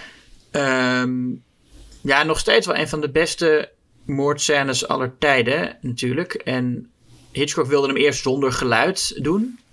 En dat idee, eh, daar heeft Bernard Herrmann hem eh, vanaf ge, eh, gepraat. Of nou, hij had gewoon die score gecomponeerd volgens mij. En hij zei van, luister hier eens naar, probeer het eens hiermee. En ja, dat, dat werkt natuurlijk wel ontzettend goed. Ja. Ehm, heel snel geknipt. En nou ja, ja je, je ziet natuurlijk je ziet niet dat mes in het vlees gaan, maar je hebt wel die indruk. En je ziet ook niet echt naakt. Ja, je bedoelt, ze is wel naakt, maar je ziet verder geen expliciete eh, genitaliën. Maar ook, eh, ook, ook die indruk hadden mensen in die tijd wel. Er zijn echt mensen die, die zeiden van je ziet een naakte vrouw en je ziet hoe ze neergestoken wordt. En er waren zelfs mensen die zeiden dat het rood bloed was dat ze hadden gezien. Ja, precies. Ja, ja, ja. Ja, hetzelfde als dat mensen altijd zeggen dat de Texas Chainsaw Massacre zo'n ongelooflijke bloederige film is. Ja. Dat, dat, eh, dat, dat gevoel krijg je erbij. Het is wel zo bij deze film, ehm, en dat geldt voor de twee eh, kills die deze film dan heeft, is ze zijn, eh, ze bevatten de hele sterke beelden, maar er zit ook een klein stukje knulligheid soms nog wel in. Ja. En in, in deze zit het in. Ik, ik vind het shot dat Marion staat te douchen. En dat dus achter haar een gestalte de deur open doet en binnenkomt. En dan nog geen muziek ook is. Vind ik nog steeds echt ijzersterk. Ja, en zeker in die tijd. Kijk, nu is dat natuurlijk een cliché geworden met duizenden slashers die een moordscène in de douche hebben. Maar in die tijd was sowieso een douchescène al eh, best wel nat dan in een grote film. Ja. Ehm, en dat er dan, tenminste, ja, zo'n douchescène. Nou ja, en dat er dan nog een moordenaar komt. En dan, maar ook dat idee van in, in de douche, dat is toch echt een plek waar je veilig waant. En waar je ook op, op je meest kwetsbaar bent. Je gaat een beetje een andere wereld in, hè, onder de douche. Het is, het is opeens ben je naakt en, en warm. En eh, je zit echt Ja. een het is echt helemaal je eigen wereld. Ja, het is eigenlijk met de slashes die later kwamen, is dat we ontdekten dat dat dus niet veilig is. Maar dat is gewoon zodra er ook maar een, eh, meestal vrouw gaat, eh, uit de kleren gaat om te douchen, dan weet je, oké, dit is ofwel alleen maar omdat we even dan eh, een naakte dame kunnen zien, ofwel omdat ze doodgaat. Ja. Maar hier kan ik me heel goed voorstellen dat ze geen moment verwachten dat hier nog iets ging gebeuren. Ehm, maar Nee, wat ik daarom, vooral wa- dus- daarom waren mensen ook zo boos. Hè? Er waren mensen die zeiden van ja, maar nou, nou durf ik niet meer onder de douche. Dus een moeder had Hitchcock een boze brief geschreven. hè, Dat mijn dochter wil niet meer douchen na Psycho. En toen had Hitchcock teruggeschreven, dan breng je er toch naar de stomerij. Ja, volgens mij was... Ik weet niet of die quote dan... Was volgens mij nog aangef- toegevoegd met het feit dat ze... Na, sinds eh Diaboliek... Oh ja. 1955 dat ze niet meer in bad durfde. ja. en nu ook niet meer onder de douche. Wat ook wel doet vermoeden dat het eh, een beetje verzonnen is, dat verhaal. Ja, zo klinkt het dan inderdaad wel. Maar ehm, wat ik dus vooral knap vond... Want je, hebt dus, je zegt al van, dat zie je nu tegenwoordig heel veel. Maar wat je daar dus ziet, is je ziet... een Marion op de voorgrond. En op de achtergrond, zonder muziek, zonder geluidseffect... zie je die deur opengaan en loopt er een gestalte langzaam naar binnen. En ik denk juist, ja, ik denk dat het later vooral veranderd is met de jumpscare-achtige praktijken. Met bam, of in ieder geval een, een, een, een stinger, een stukje geluid. En dit, het, dat het zo stil is. Je hoort alleen maar die douche, je hoort alleen maar dat, dat, dat water dat valt. En Ja. dan die, die, die gestalte heel langzaam achter de deur open zien doen. Ja, dat is zo- dat is zo'n effectief shot. Ja. Eh, nog steeds. En ik vind het shot aan het einde ook. Is, is ook een heel knap shot van het putje waar het, waar het bloed in gaat. Dat zo overgaat in haar oog en dan uitgezoomd wordt. Ja, het is heel knap allemaal. Ja. Ehm, het, is die, het zijn die snelle cuts eigenlijk, waarbij je af en toe... Want ik kan me voorstellen dat mensen dan zeiden van... Ja, het is alsof je het mes erin zag gaan. Ik zie wel nu shots van een mes die gewoon echt voor een lichaam gehouden wordt. ja. Je ziet... Ja, je zou dat nu nog sneller knippen, denk ik. In die tijd waren mensen echt helemaal niet gewend aan die snelheid van montage. En was dat ook nog eh, schok en, en verwarrend, waardoor je ook het minder goed kunt volgen als je er niet aan gewend bent. Als je die scène nu zou, zou maken, zou je hem eigenlijk nog sneller moeten knippen om hetzelfde effect eh, te, te behalen. Ja, ik denk dat of men, men nu juist naar eh, niks laat zien juist. Nu was het toch dat Hitchcock iets wilde laten zien. En dat men nu misschien zover was dat je... Hè, we hebben alles al gezien. We weten inmiddels dat messen eh, met prosthetics of zelfs CGI gewoon in iemand kan, kunnen verdwijnen. Maar dat we nu juist ervoor kiezen om alleen maar de douchekop te laten zien. Terwijl we het alleen maar horen. Ja, dat is ook een, ook een eh, heel mooi shot trouwens. Die douchekop die van onder gefilmd is terwijl hij opengedraaid wordt. Ja, dat ook heel zeker, vaak eh, nog eh, gebruikt. En één ding dat, ik weet niet of dit nou, het is, wel, het, is- ja, het is een van de eerste douchescènes, dus het zal ook wel een van de eerste zijn die het idee introduceert, dat je eerst onder de douche gaat staan en hem dan pas aanzet. Oh ja. Het, het wordt, het is nog altijd in alle films eh, eh, eh, gaat het zo. Je ziet echt zelden iemand die de douche aanzet, temperatuur voelt en dan pas eronder stapt. Nee, mensen staan er meteen onder, hè? Het is Ja. meteen warm. Ja. En het is, dat vroeg ik mezelf af, maar dat is misschien gewoon douchegewoonte. Iedereen in film staat altijd met het gezicht richting het water. Is dat, is dat, is dat... Eh, ja, nou je zegt, ja, ik sta meestal met het gezicht eh, de andere kant op inderdaad. ja, meestal valt het water op mijn rug. Maar ik zie mensen altijd in films in ieder geval. Ik, kijk, ik weet ook niet hoe andere mensen douchen. Zo vaak zie ik dat niet. Hmm. Maar eh, dat, in, in films is het altijd dat mensen echt in die straal aan het kijken zijn. Ja, ja, de hele tijd, ja. Ja, dat, dat, dat- ik snap dat ook nooit zo goed. Maar wat, weet je wat het is? Dan heb je zo'n hele goede, echt hele sterke scène. Inderdaad, ik zie ook wel voor me dat mensen toen echt wel dachten, wat gebeurt me nu? Maar daarnaast krijg je dus dat na 49 minuten je hoofdpersoon dood is. Dan Ja, denk je als kijker ook, ja, maar wat moeten we nu dan? Want uh, Norman Bates was weliswaar geïntroduceerd, maar had ook gewoon prima iemand kunnen zijn onderweg die uh, Marion Crane op haar avontuur had ontmoet en klaar. En we gaan weer door naar de volgende. Ja. En, en ineens denken we, ja, wat moeten we nu? Ja, dan denk je nog van, nou ja, dan gaat er nu iets met dat geld gebeuren. En dan komt er nog een close-up van het geld. Maar dan zie je dat Norman, die, die, pakt, uh, die, die pakt dat en die, en die stopt het in de auto die die uh, in het moeras gaat uh, laten zinken. Ja, dan zie je dus heel een, een, een, behoorlijke tijd dat, dat Norman alle sporen wist. En dan blijft dat geld liggen. Dan denk je nog, nou, misschien gaat er dan toch nog wat mee gebeuren. En helemaal aan het einde pakt hij het dan toch en gooit hij het gewoon in de auto. Alsof het ook niks is. Hij, ja, hij ziet ook niet dat het geld is natuurlijk. Hè? Hij zit in een krant.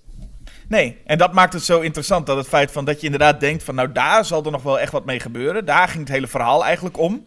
Van het moment dat we uh, Marion Crane en Sam in de hotelkamer zagen in de eerste scène, ging het eigenlijk al om dat geld. En nu wordt het gewoon door Norman Bates eigenlijk in de kofferbak gegooid en klaar. Maar dat is zo lekker, dan ben je helemaal vrij. Ja, dan heb je echt zo van, oh, het is, het, alles, alles doet er niet meer toe. En dan heb je echt het idee van dat je... Um, nou, ik weet niet meer wie dat zei, maar iemand heeft toen geschreven... Je, je weet dat je dan in handen bent van een regisseur waar je, waar je niet veilig bent. Nee, en, en, en wat dan interessant is, is waar we het in de podcast over, met Double Indemnity ook over hadden. Jij refereerde net ook al naar... Uh, je gaat dus op een gegeven moment pers voor een personage... Uh, je bent voor een personage die eigenlijk hele slechte dingen heeft gedaan. Ja, en het is zo gek. Eerst ben je helemaal voor Marion Crane. en zodra ze dood is, ben je opeens voor Norman Bates. Dan denk je, nou, ik hoop dat hij zijn doelen maar behaalt in zijn leven. Ja. Dat ineens ben je nee, daarvoor. Ja, nee, het is, het is echt wat er in een scène maar gebeurt. Je hebt, je hebt gewoon empathie met degene over wie de scène gaat. Want nu, als je hem nog een keer ziet, dan denk je, als je Marion Crane bij die agent ziet staan denk je niet van, oh, ik hoop dat die agent er wel pakt, want dan blijft ze leven. Weet je wel? Als, als die agent er uh, gearresteerd zou hebben, zou, ze, zou, ze, zou haar leven gered zijn. Ja. Maar toch, ook als je hem een tweede keer ziet, denk je bij die scène: hey, agent, rot eens op. En denk je zodra Norman Bates inderdaad die auto in het moeras laat zinken. en het lijkt er even op dat dat niet gaat lukken.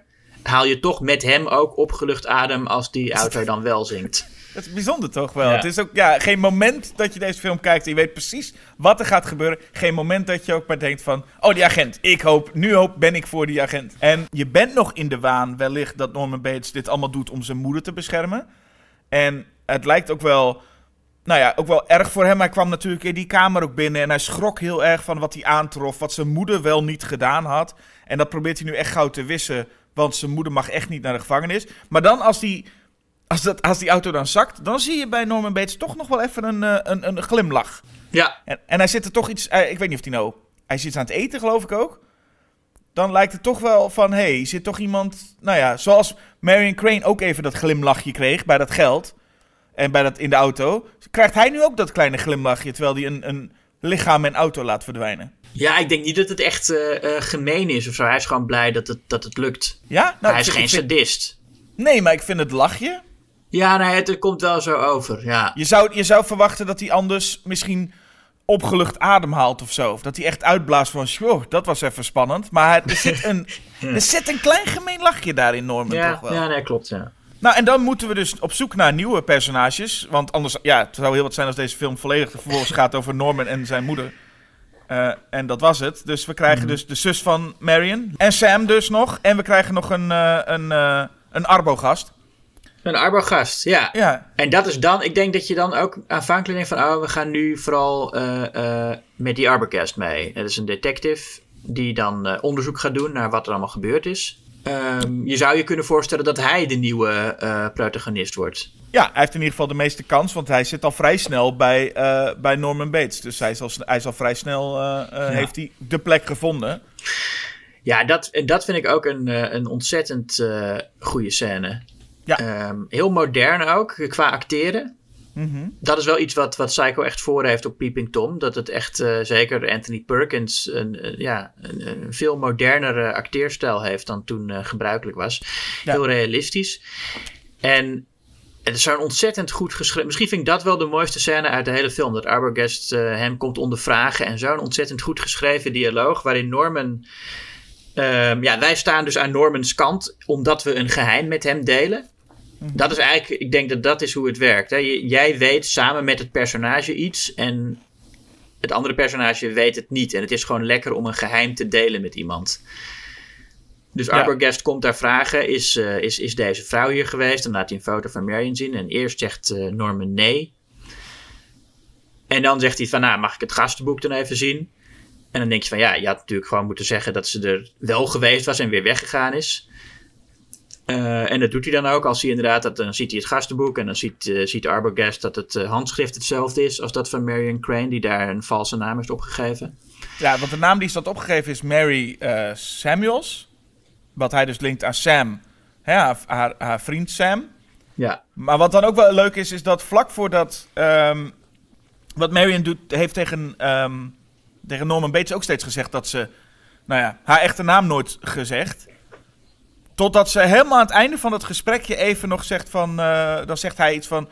yo, mevrouw, en dan zegt ze Crane. Dus zij verklapt nog even haar echte naam daar ja, tegen Norman. Dus Norman weet inmiddels nu hoe ze echt heet. ja. Ehm, wat, wat wel interessant is, anders had hij ook nooit geweten hoe ze eigenlijk echt heette.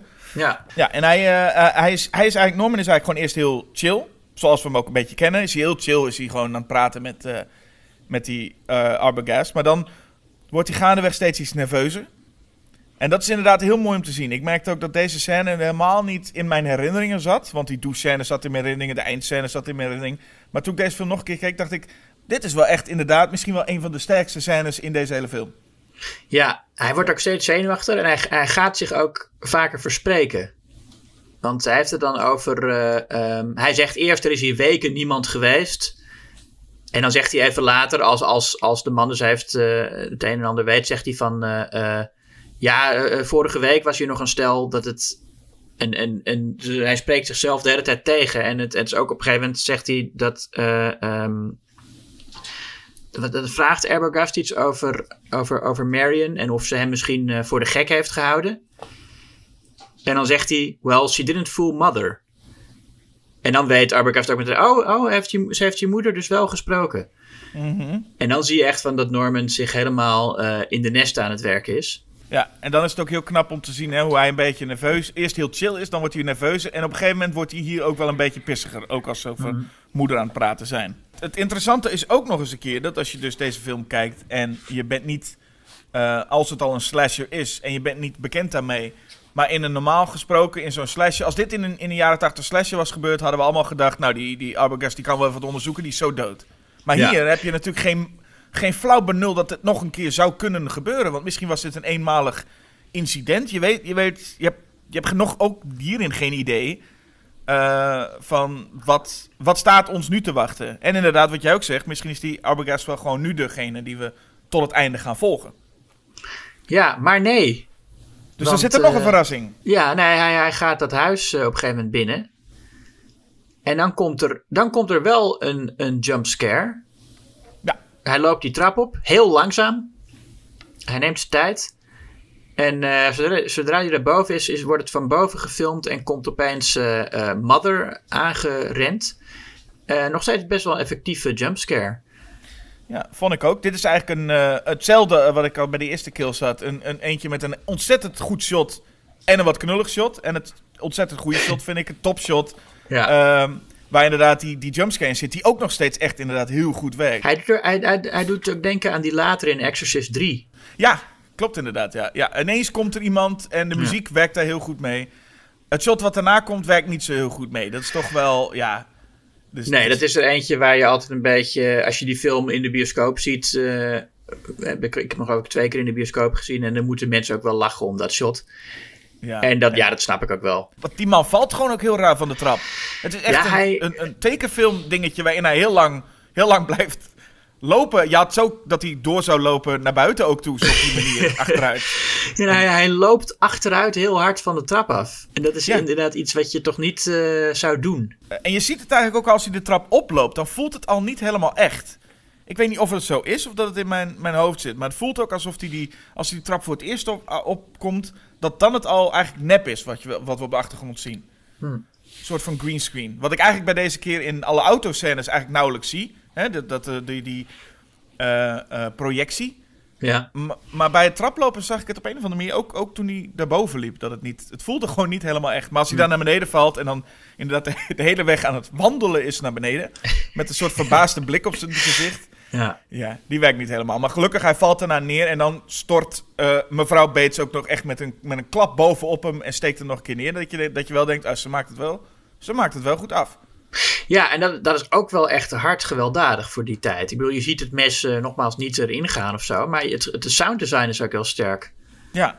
ja, en het gaat ook best wel inderdaad hard. Ook gewoon de manier waarop zij bovenop hem duikt. Ja. Eh, en dan zijn we weer iemand kwijt, Julius. Hè? Zijn we weer iemand kwijt, Jasper? Met wie moeten we nou toch meeleven? Nou ja, dan gaan we maar weer naar, eh, naar Sam en Lila. En naar de plaatselijke sheriff misschien. Oh ja, de plaatselijke sheriff. Die inderdaad, dat vond ik ook wel interessant. Ik dacht dus dat we daar nooit achter kwamen, maar het blijkt nu. Die sheriff legt ons gewoon uit voordat de film, voordat de film afgelopen is. Of ja, alles gebeurt voordat de film afgelopen is. Eh, maar dat mevrouw Bates dus al, al tien jaar dood is. Ja. Dan denk je, oh. Ik dacht dat dat echt tot het einde was bewaard. Dat als hè, het bekende moment dat we mevrouw Bates gaan zien. Ik dacht dat dat ook het moment was dat we dat ontdekten. Maar nee, de sheriff vertelt hier eigenlijk al: hé, hey, mevrouw Bates is al tien jaar dood. Er is wat anders gaande. Ja, dan weet je natuurlijk nog niet dat hij het is. Maar dan, dan denk je van, oh, maar wie is die vrouw dan? Of, eh, ehm, nee, je weet niet eens per se dat zij dood is. Want op een gegeven moment vraagt hij van, als, als, als mevrouw Bates nog leeft, wie ligt daar dan begraven? Ja, precies. het zou ook kunnen de- zijn dat zij nog leeft en dat iemand anders in haar plaats eh, dood is. Ja, en dan doet ook eh, ehm, Hitchcock iets heel slims. Doordat we dan ook denken van ja, we hebben nooit, hit, we hebben nooit mevrouw Bates en Norman in één eh, eh, shot gezien. En dan wordt de sheriff belt Norman ook even op. Norman die denkt, oh jee, ze hebben me door. Of ze hebben ons door. En dan zien we dus even zo'n topshot. Dat Norman een vrouw eh, naar beneden tilt. Ja, heel en dan klein denk je, dat is vrouwtje.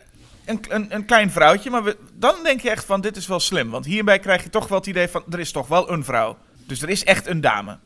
Ja.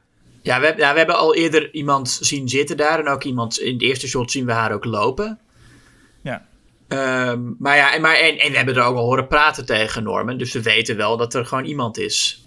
Kijk, nou, die dialoog die hij daar met zijn moeder heeft. Daarvan zou je nog kunnen zeggen. Dat zit in zijn hoofd. En wij horen dat omdat hij dat zich voorstelt. Maar zij heeft al eerder een dialoog met moeder gehad. Die Marion gewoon kon horen. Waar Ja. zij ook gewoon duidelijk een vrouwenstem heeft. Eh, die ook Anthony Perkins niet doet. Ja, dat, dat brengt je wel echt op een, eh, op een ander, ander spoor dan, ja. Ja, er zijn drie mensen die de stem van, eh, van moeder hebben gedaan. Niet tegelijk, maar gewoon die op verschillende manieren gebruikt worden.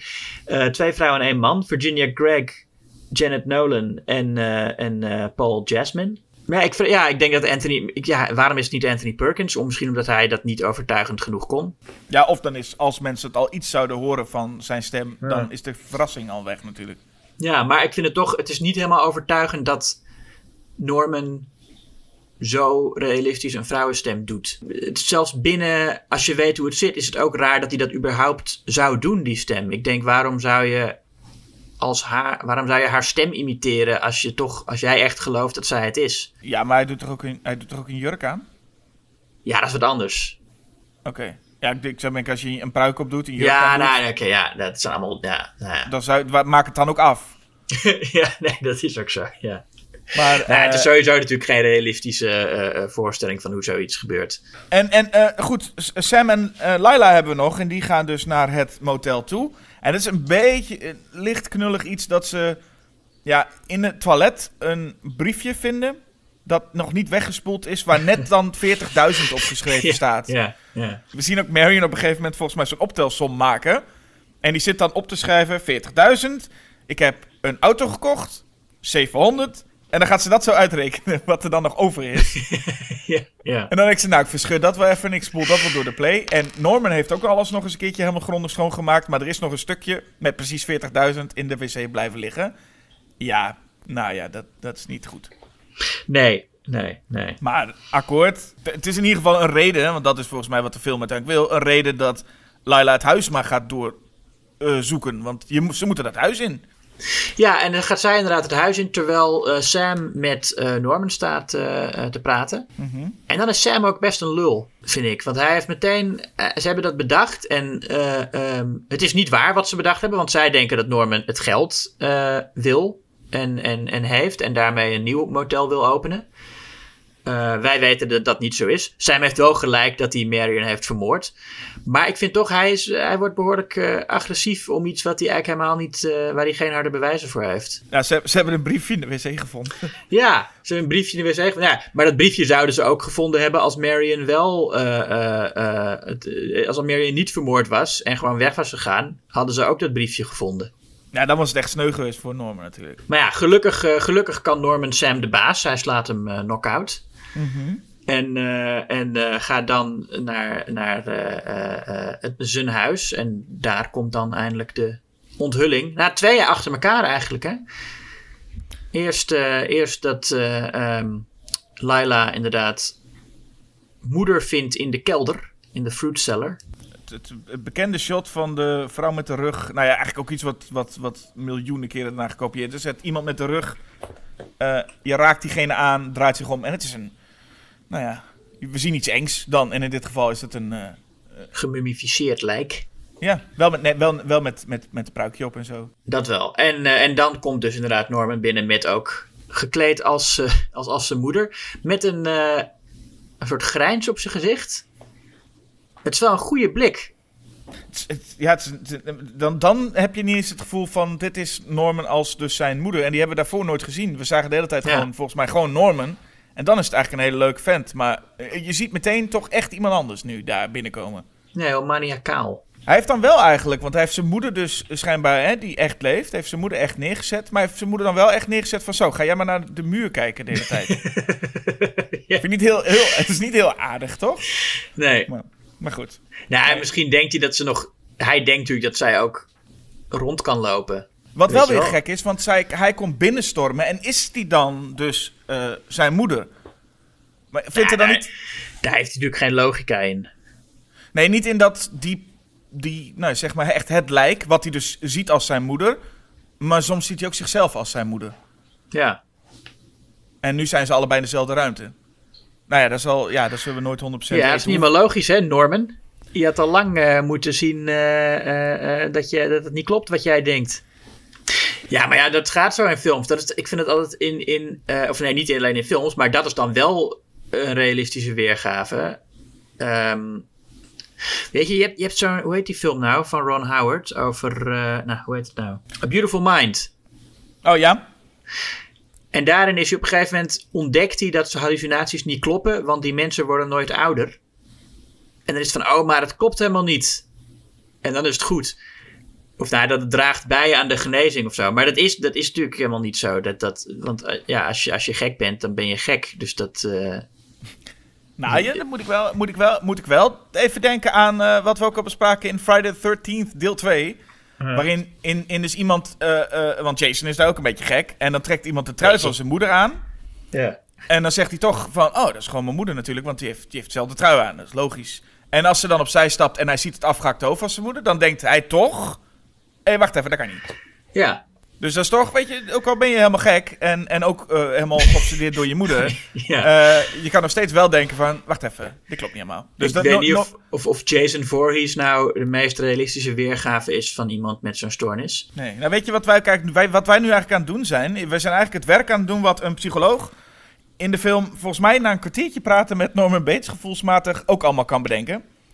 Ja, die psychiater die aan het einde. Dat wilde de studio heel graag, die scène.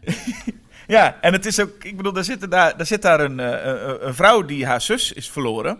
Ja. En er komt daar een, een psychiater binnen en die begint me daar toch enthousiast te ratelen over, over die Norman Bates. Dat je denkt, nou, kerel, even... Ja, met een glimlach ook. En hij zegt ook. En hij vertelt er ook, zij vraagt dan van, eh, eh, heeft, heeft hij mijn zus vermoord? En dan zegt die psychiater, ja en nee. Nee, dat zijn antwoorden waar je op dat moment wat mee kan. Ja, precies. En dan zit hij weer ja en nee, want ja, eigenlijk heeft moeder, eh, hij was eigenlijk zijn moeder. En dan vraagt, dat Laila ook nog vraagt van, ja, maar is mijn zus nou echt dood? En dan pas zegt hij, ja, ik ben bang van wel.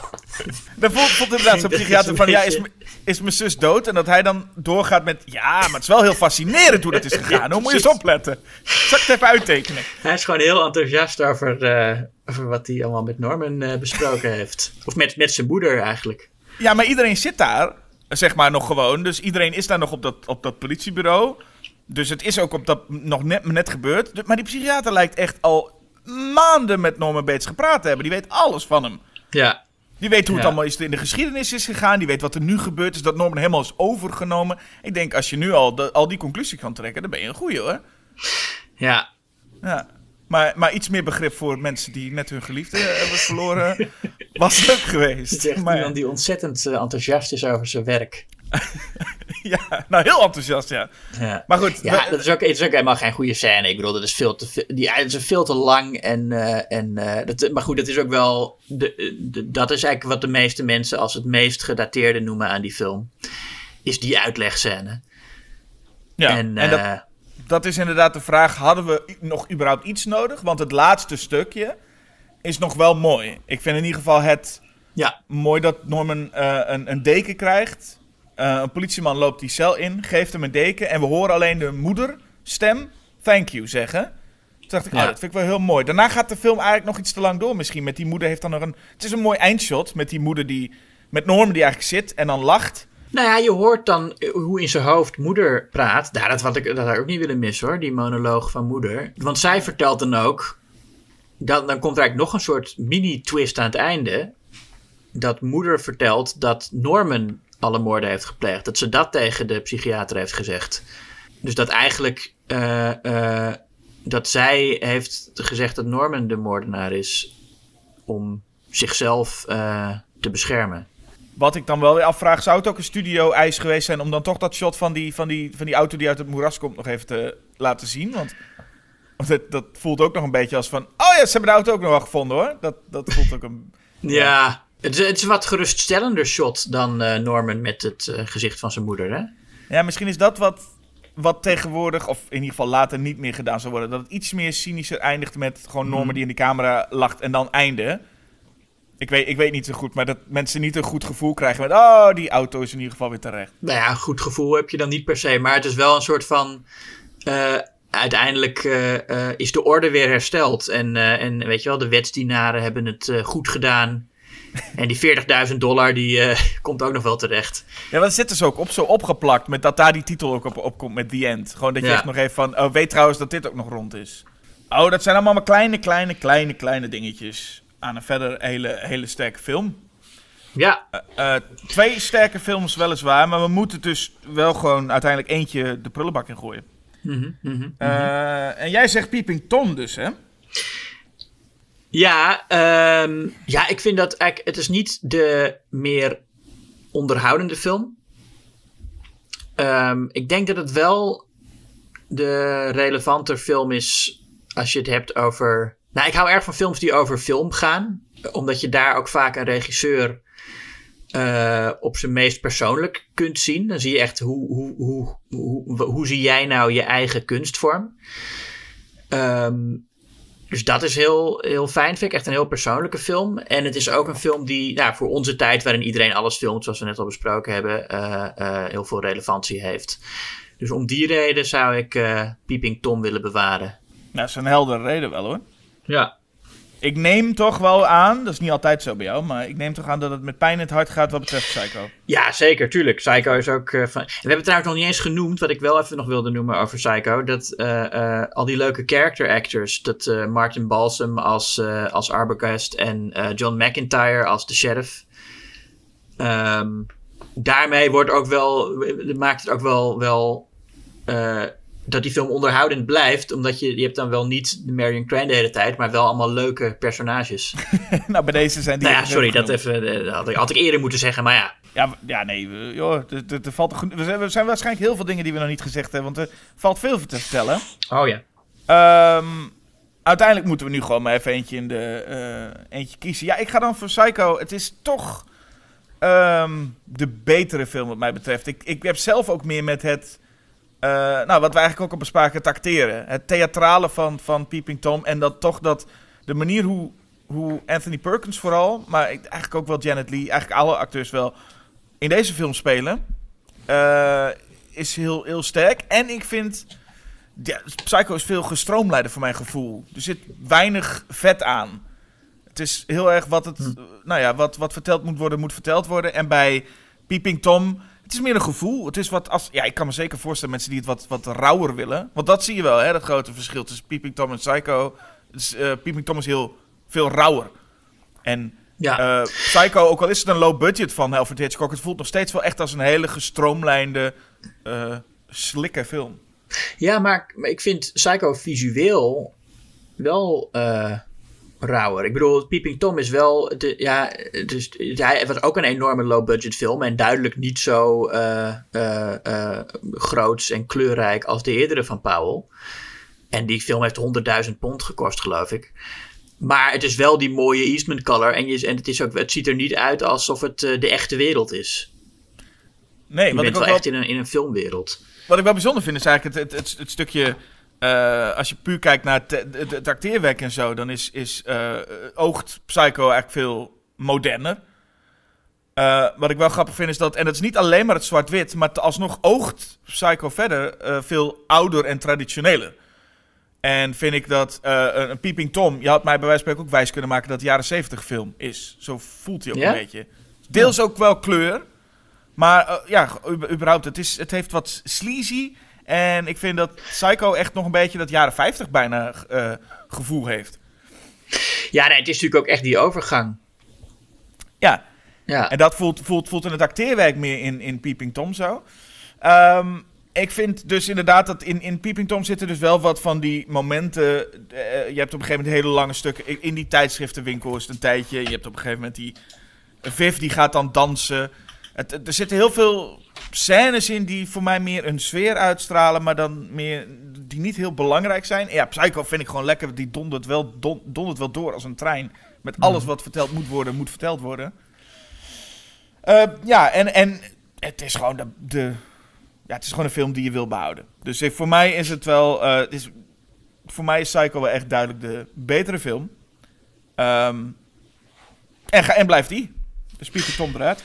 Ja, nou, het zijn twee, eh, twee gedurfde films van gevestigde regisseurs die opeens voor een veel lager budget iets, i- iets gedurfds deden. En, en, en Hitchcock ook gewoon eh, ehm, eh, onafhankelijk geproduceerd. En, en, en, ook met, met, met de crew, volgens mij, waar hij ook zijn tv-programma mee maakte.